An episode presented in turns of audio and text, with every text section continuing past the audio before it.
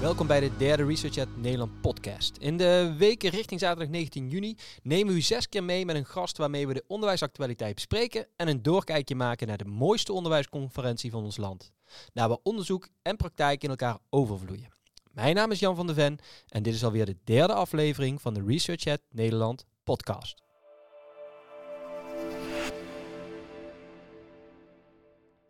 Vandaag schuift Pedro de Bruikere vanuit Vlaanderen bij ons aan. Um, allereerst fervent gitarist in zijn band Blue and Broke, maar ook onderwijspedagoog en onder andere schrijver en co-auteur van de onderwijsbestsellers als Klaskit, Jongens zijn slimmer dan meisjes, Juffen zijn toffer dan meesters en na de zomervakantie ook bijna alles wat je moet weten over psychologie, samen met Casper Hulshoff en Lise Messinnen. Hij haalde met veel succes TeacherTap naar Vlaanderen en schreef tijdens de COVID-pandemie ook nog heel eventjes met de kinderen alles goed over opvoeden in tijden van crisis. Voor mij is hij de man die in de gepolariseerde onderwijsdiscussies vaak nuance weet te brengen met humor, overzicht en kennis van zaken. En onze keynote spreker op zaterdag 19 juni.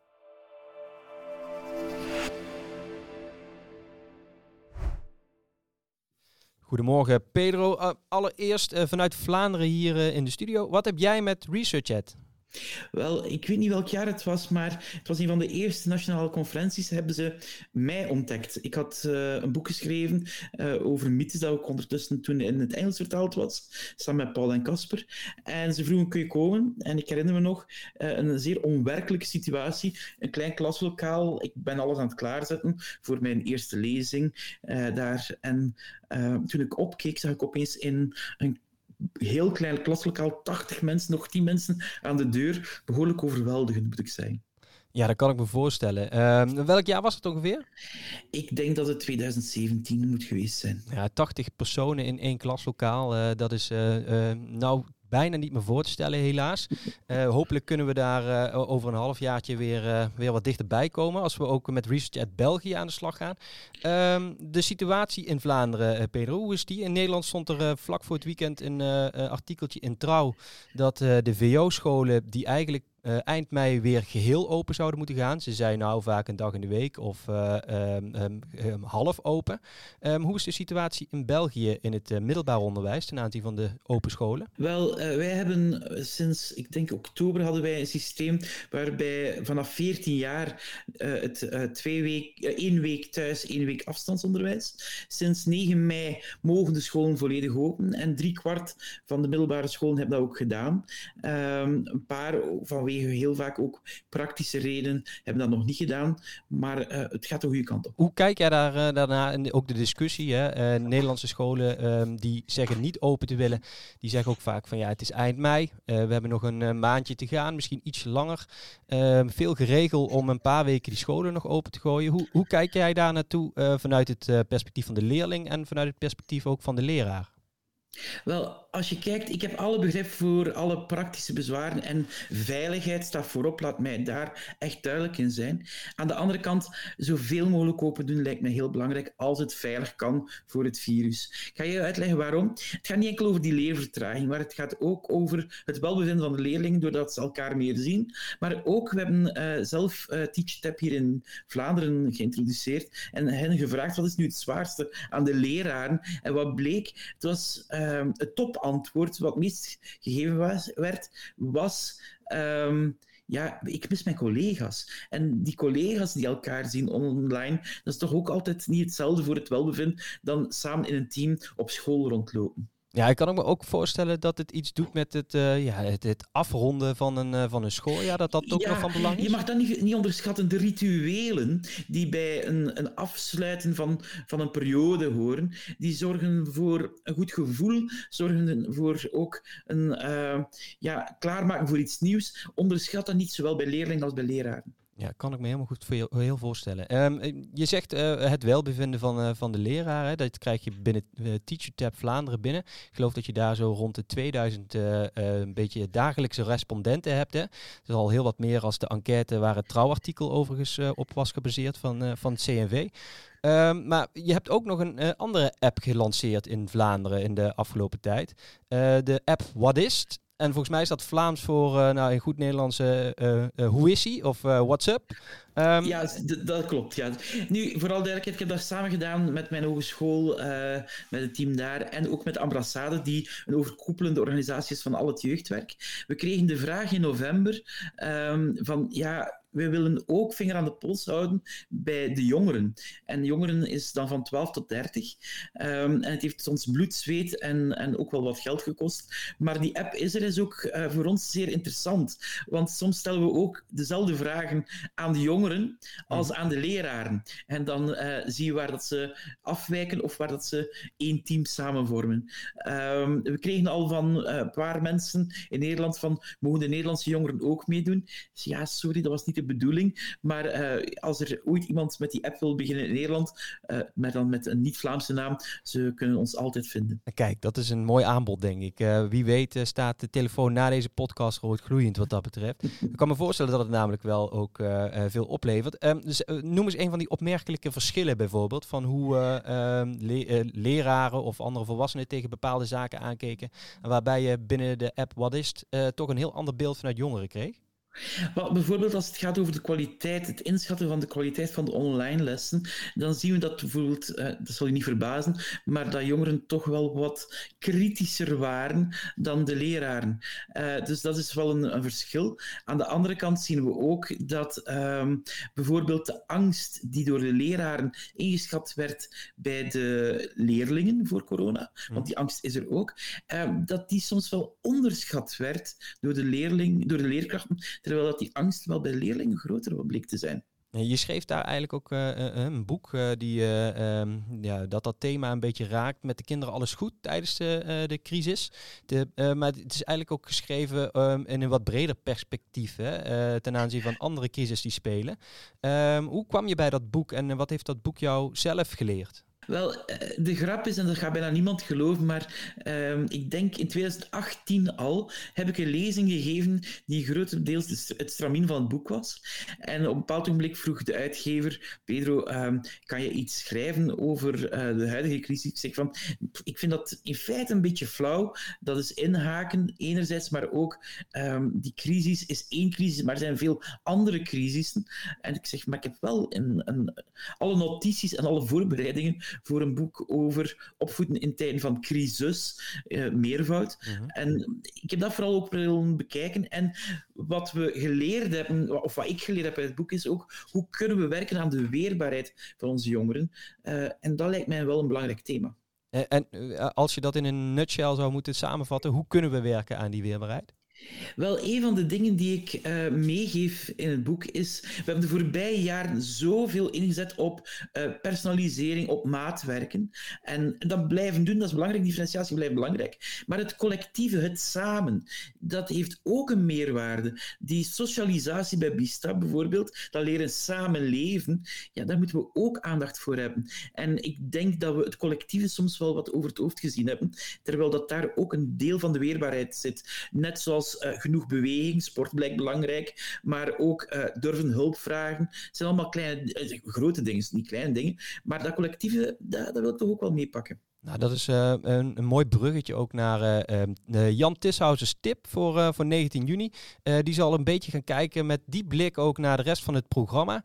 Um, en keren we dadelijk terug en dan gaan we het eens even hebben over jouw keynote, Pedro.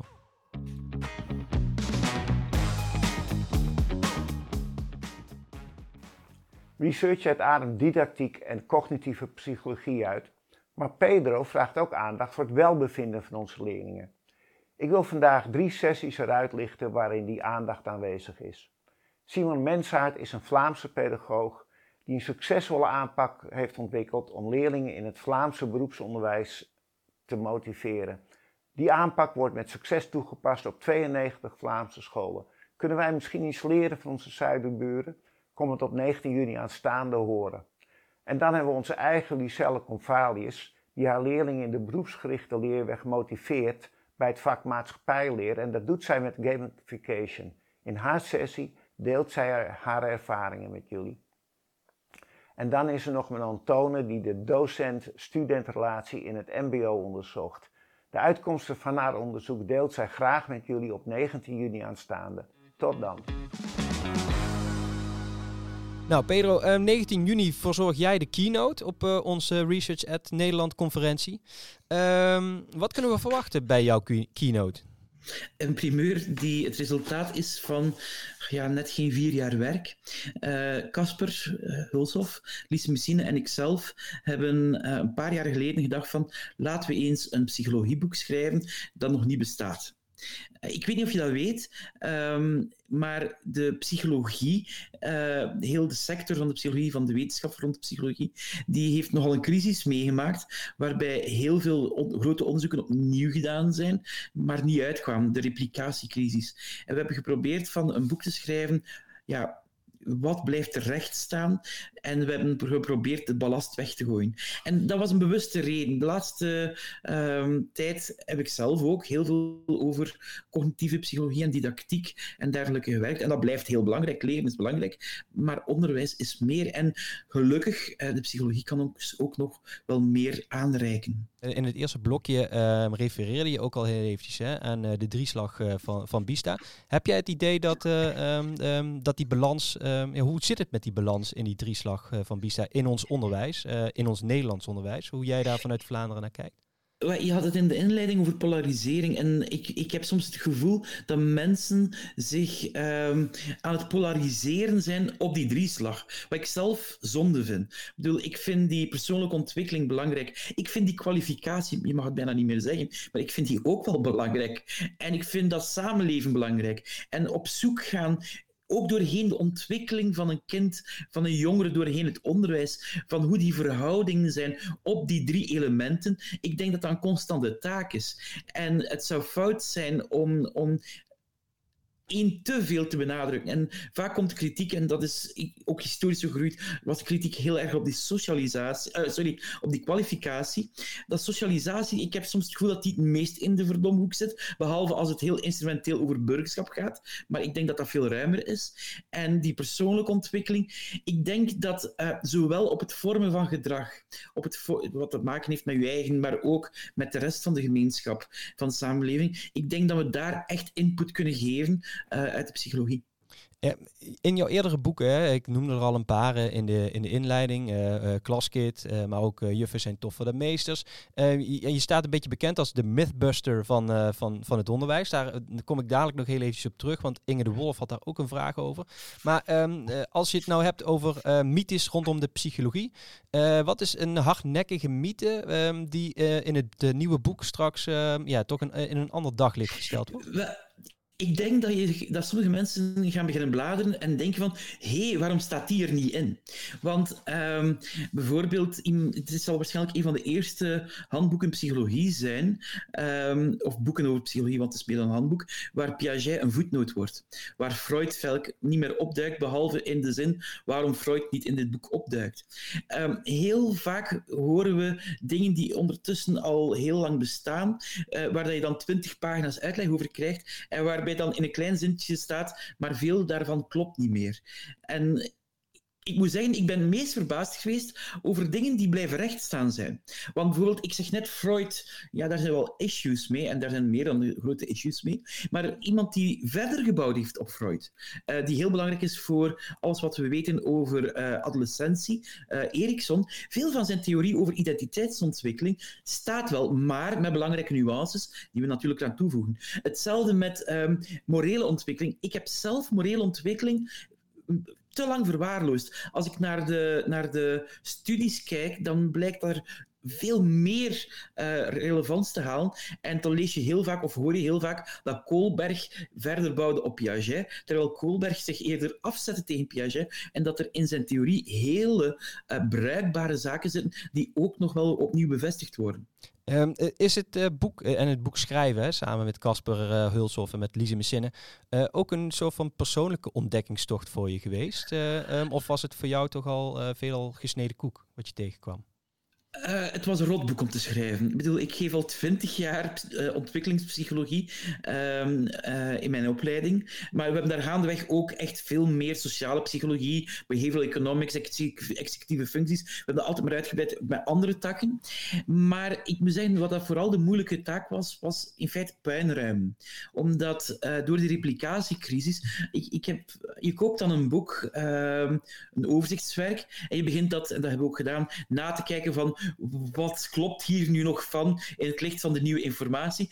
En, en dan, dan was het schrappen en schrappen en dat is heel frustrerend. Meer nog, ehm, het boek is nu klaar, maar net zoals bij de voorgaande boeken hebben mensen het kritisch nagelezen.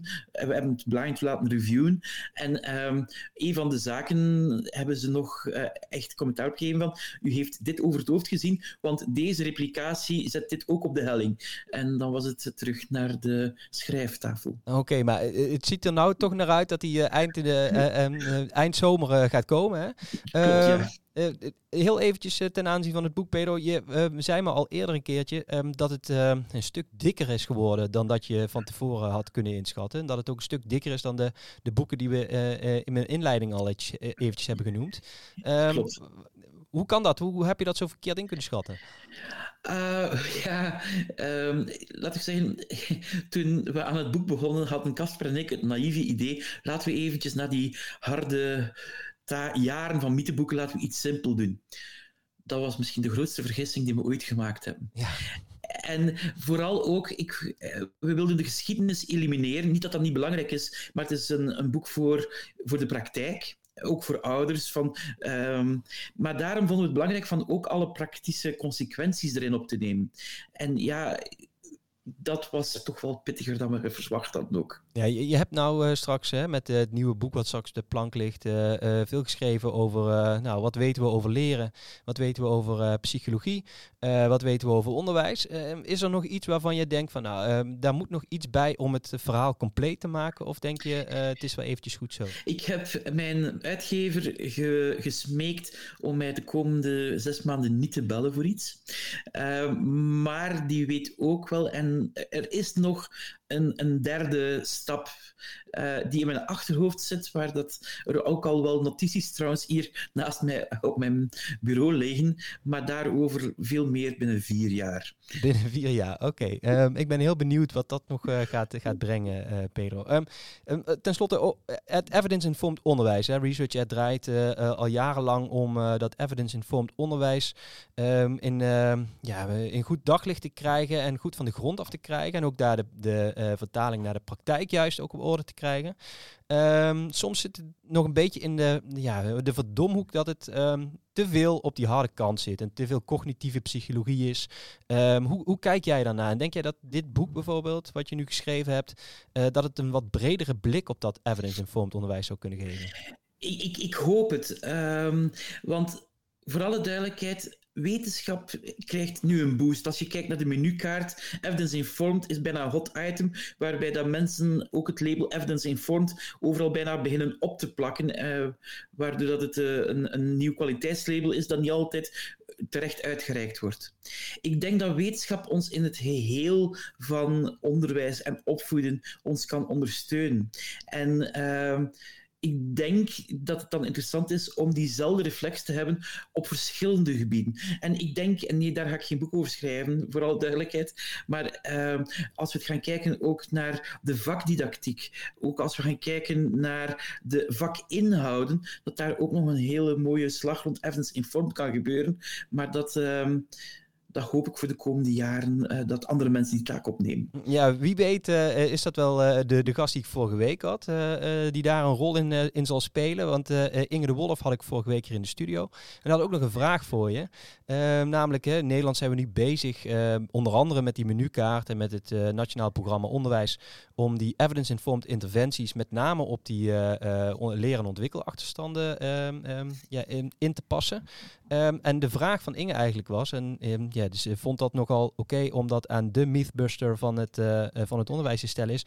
Hoe kunnen schoolleiders en leraren er nou achter komen wat niet werkt qua interventies? heb je daar een tip voor? Dat is een hele moeilijke, maar van zodra dat je gigantische beloftes krijgt en het kost geen moeite, dan is de kans heel groot dat het geen waar is. Als het te mooi is om waar te zijn, of het klinkt om waar te zijn, dan is het meestal niet het geval. En uh, meestal heeft het ook heel veel tijd nodig. Dus ik, ik zou vooral één ding. Maak dat je de zaken monitort. Geef ook de zaken tijd. En verwacht geen mirakels. Mirakels die komen enkel voor in boeken, maar ook elke keer als de leerling uh, lacht, gelukkig.